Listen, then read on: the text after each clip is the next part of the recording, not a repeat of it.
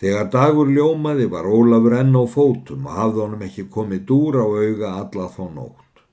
Nú tíja þeir félaga sig sem kvallegast, verða snembúnir og reið sér að bjarni á veg með fóstara sínum en áður þeir skildu stigu þeir af hestónum og tók prestur upp úr vasa sínum dálla grind af silfri, gulluróðna og voru bókstafir í grindina loftskornir. Öll var grindinst og stafirnir snildalega gjörð. Þennan menjagrip hafði móður mín gefið mér á degjanda degi. Þá var ég tveggja nóta og ann ég þér best að njóta. Skaltu bera hann á brjóstinu næstir og aldrei láta nefn þú eigi líf þitt að leysa og vona ég að gæfa fylgi.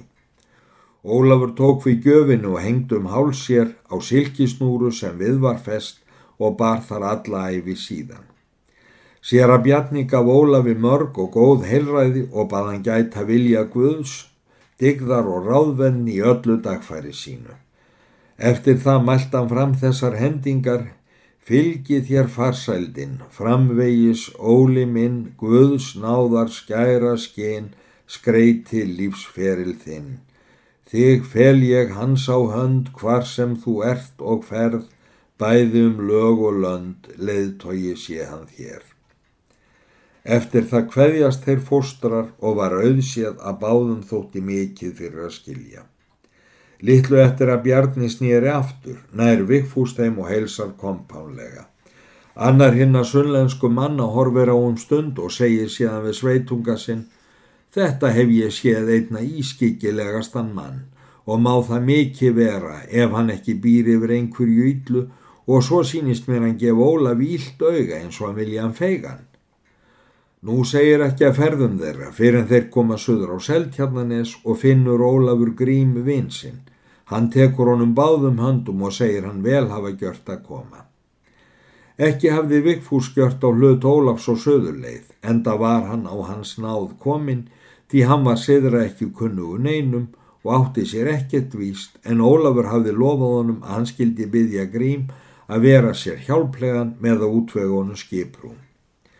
Húsbóndi Gríms og tilvonandi formaðu þeirra hétt Björn, ríkur bóndi.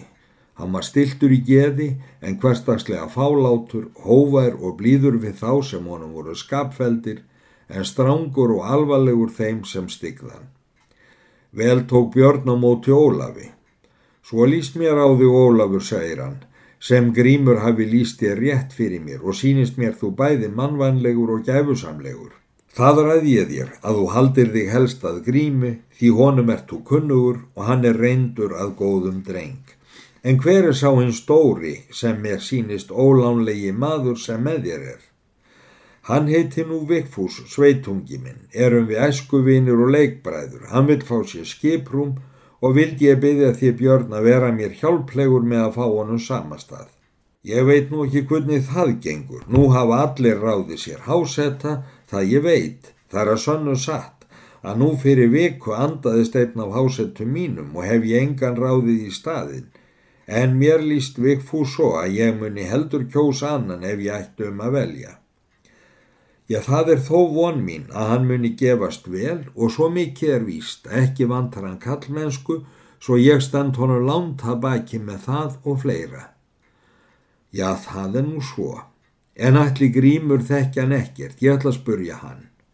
Björn kalla nú grím til og segir, þekkir þú nokkuð þennan vikfús grímur? Ég þekk, þekkja hann rétt í sjón síðan ég var fyrir austan, því ég sá hann nokkurinn sinnum en ég heyrði oft talað um hann. Og hvað var talað um hann? Já, það var nú reynd að segja misjamt. Hann þótti gapalegur, orð og artarýllur og uppvöðslu mikil. Þessu get ég vel trúað, eftir því sem mér kemur hann fyrir sjónir. Það er nú oft orðum aukið þegar einhver er, einhverni verða að lasta. Það getur líka skeið að Vigfús hafi verið mikill fyrir sér þegar hann var ungur, en hann er alltaf að stillast og mikið gleddiða mig ef hann fengi hér skiprúm svo við gætum verið saman í vetur. Þú sækir fast eftir þessu Ólafur og held ég að sé þá besta að hann setjist hér að, en það er mér grunar að þú eigir mest í hættunni sjálfur. Ólafur fer nú og segir Vigfúsi hvar komið var. Ekki þakkaði Vigfúsonum fyrir en krefti báða knefa og sagði ég er að vona að þessir kallar verði harðir á skussunum hérna á nesinu ef þeim verður beitt. Maður hugsa nú ekki um knefaslög, sagði Ólafur og hrigðist við ofstoppa Vigfúsar. Nú, það veit ég nú ekki. Fara þeir félaga nú að koma sér fyrir. Það var fyrir beðinu Ólafs að þeir eruður ekki nautar og hjælt hann að með því gæti hann betur haldið í heimilin á honum. Nú er tekið til róðra og þóttu þeir félagal báðir nokkuð viðvanningslegir en samt löguðust þeir og þó sinn upp á hvort mátan.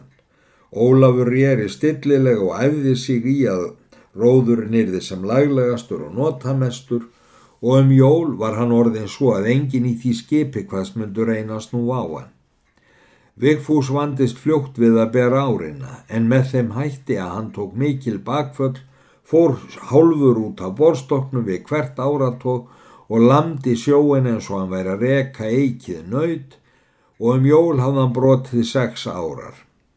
Alla landlegu daga var Ólafur við smíðar með grími og fjall hann hverjum manni vel í geð. Hann var gladlindur og spöksamur en kurteis og orð var hverstaslega. Vigfús eiriði best við áflóg og riskingar, þrætu og kerskni og var þann hverjum manni kvumleður. Aldrei þorðan að gjöra hlut Ólafs, hvorki orðin ég verki fyrir byrni og var hans á eini sem hann ótaðist. Svo var Vikfús orðin sterkur að enginn þeirra skipverja þurft að reyna afl við hann þegar hann átt að lifta einhverju nema björn og veitti þó full örðugt en styrður og slísin var hann jafna. Eitt dagum veturinn nokkur eftir jól er veður var gott og bjart, ísar og hjarn Yfir allt kemur Björn að máli við þá grím og Ólaf og segir Ég vil efna til bændaglímu hér í dag og vil ég byggja ykkur að koma með því að mér er forvitna á að sjá þig glíma Ólafur. Þar mér er sagt að þú sér þinn mesti glímumadur. Já þá er þó of miklu að ég logið Björn minn því að ég er í öllu fákunnandi og ekki síst í þeirri íþrótt.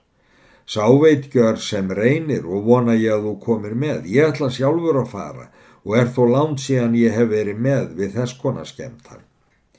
Ekki má ég neyta bænðin ef ég þykir betur að ég sé því að ósárt er mér þó að þið leggja mig kaparnir en ég vil að grímur komi líka. Ekki mun ég verða eftirkunningi. Nú var sendt á næstu bæi og þustu menn þegar að því að margir voru þar ungir og knáir sjóróðramenn sem voru fúsir að fara.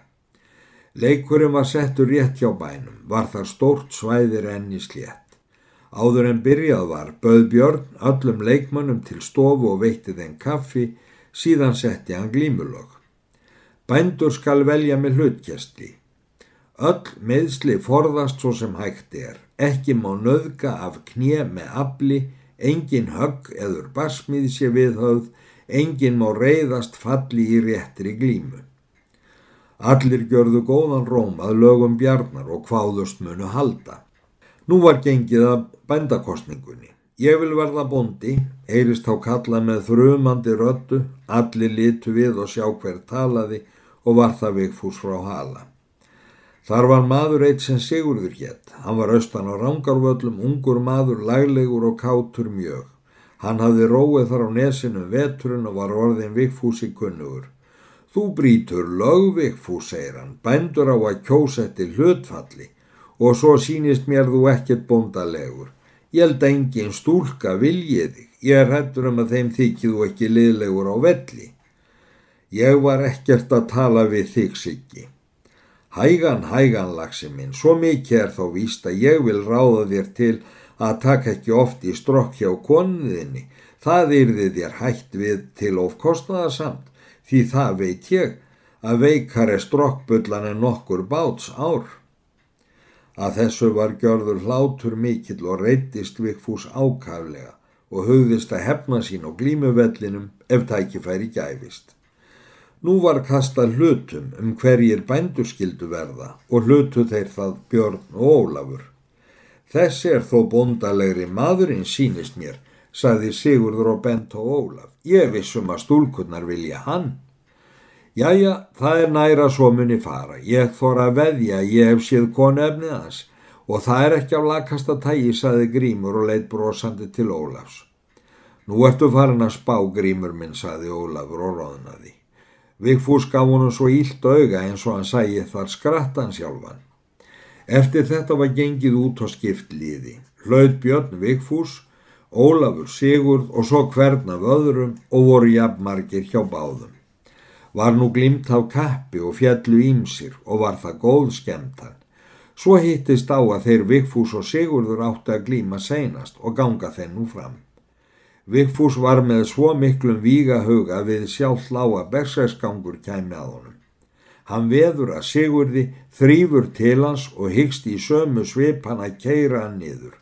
En Sigurður var mikri fyrir en hann varði og þó hann hefði nóg að gjöra að verja sig falli því Vigfús hristi hann og hrakti en beitti engum glímutökum. Allar Sigurður að láta hann mæðast og beita svo sókninni en í því losna skóðfengur hans og stýgur hann á og fellur við þá annað knið en Vigfús ræðist þegar á hann og hrindir honum flötum og lætur nú ganga á honum báða knefa. Menn hlaupa til og taka Vigfús, segja þeir hann gjöra sér sekan í einu leikvíti á fætur öðru og vera ítla hæfan til að vera við skemmt hann í manna. Menn sögðu þá að þeir skildu glíma aftur því að það veri markleisa þegar skóðfengur hefði orðið honum að falli. Vigfús hvaðst þess albúin og sagðist ekki hræðast dóna þennan því að hann var honum enþá mjög reyður. Veður því að Sigurðir og ætlar að láta skipta snöglega um en í hitt fyrra skipti en þar misást honum því að Sigurður þekkti nú betur hverja nátt að mæta og hagaði sér eftir því. Svo þegar að Vigfús kom með sínum fyrri jötun móð, brá Sigurður honum fljótt og fimmlega og raka niður fall mikill. Svo var til hagað að for var þeim megin bæjarins sem glíman var haldinn og höfðu Sigurður og Vigfús glímt allnæri henni. En þegar Vigfús stöðvaðist í fallinu vildi svo til að hann lendi hálfur út á forinni en í sem brast bakviðan og seg baklutin svo niður að vatnaði við miðjuna og þurfti hann mann hjálp til að komast upp. Var ekki trútt um að leið væri að vikfúsi, hann var förðu ídla til reyka og lagði döin ekki sem bestan um vývöllin. Sigur gengur þó fram og segir, mikill íþróttamaður er vikfúspildar og margt er honum velgefið. Fáir held ég að þurfa að reyna við hann baksund. Vikfús var þó orðin svo reyður að hann reð sér ekki hljóf því að Sigurði og rak knefan framann á nasirónum svo mikið högg að hann hraut flatur og nakkan og sprakk fyrir. Ólafur gengur nú fram og segir hart ertu leikin Sigurður félagi og kalla ég að á þér sé nýðst og brotinn lög. Mundu nú svo til ætla að ég hefni þín ef þess mætti verða auðið. Hann kalla nú á Vigfús og kemur hann nokkuð seinlega, þrýfur samt til Ólafs og ætlar að beita sama læju áður en fyrri en hann og aðri varir hefur Ólafur bröðið honum svo fimmlega að höfuðu snýr niður og skotrar honum svo frá sér eftir hjarninu. Fór nú ekki betur en í fyrraskiptið því að Vigfús lendi með höfuðu þar sem áður hafði hann döysinn og stakk sér óþarlega djúft því andliti fór allt á kaf svo vitin fylltust og tók hann nú andköf mikil og stórkostleg. Nú hljóp hver sem búin var að bjargónum og var hann dregin þangað sem reynd var. Þegar hann fjekk ráðrum rak hann öskur upp óurlegt, það voru heldur engin undur því augu og nasir voru ennþá barmafull. Úr munninum hafði þeir geta spúð að miklu leiti. Fengu nú allir ærin að starfa, sömur fór að þurka, aðrir sóttu vatn og enginn þóttist nógu fljótur. Þegar öll tók að fjara út úr augunum, leitt Vigfús upp og svo saði Sigurður frá í elli sinni að það hefði hann séð einna óskemtilegast augnatillit á æfi sinni og frá hrökkan þegar Vigfús spratt á fætur og hljóp bæði skamfeilin og reyður og alls ekki vel til reyka inn í bæ. Björn víkur sér nú brosand af Ólafi, mér þykir því Sigurður hafa veikt mér þungar búsefjar, segir hann lagt af velli mesta kappa minn og ef til vill ónýtt fyrir honum tvennar brækur og gjört hann sjónlausan, ef ekki fordjarfað öll hans skilningavit. Get ég ekki þóla það bótalöst og verðum við að reyna með okkur.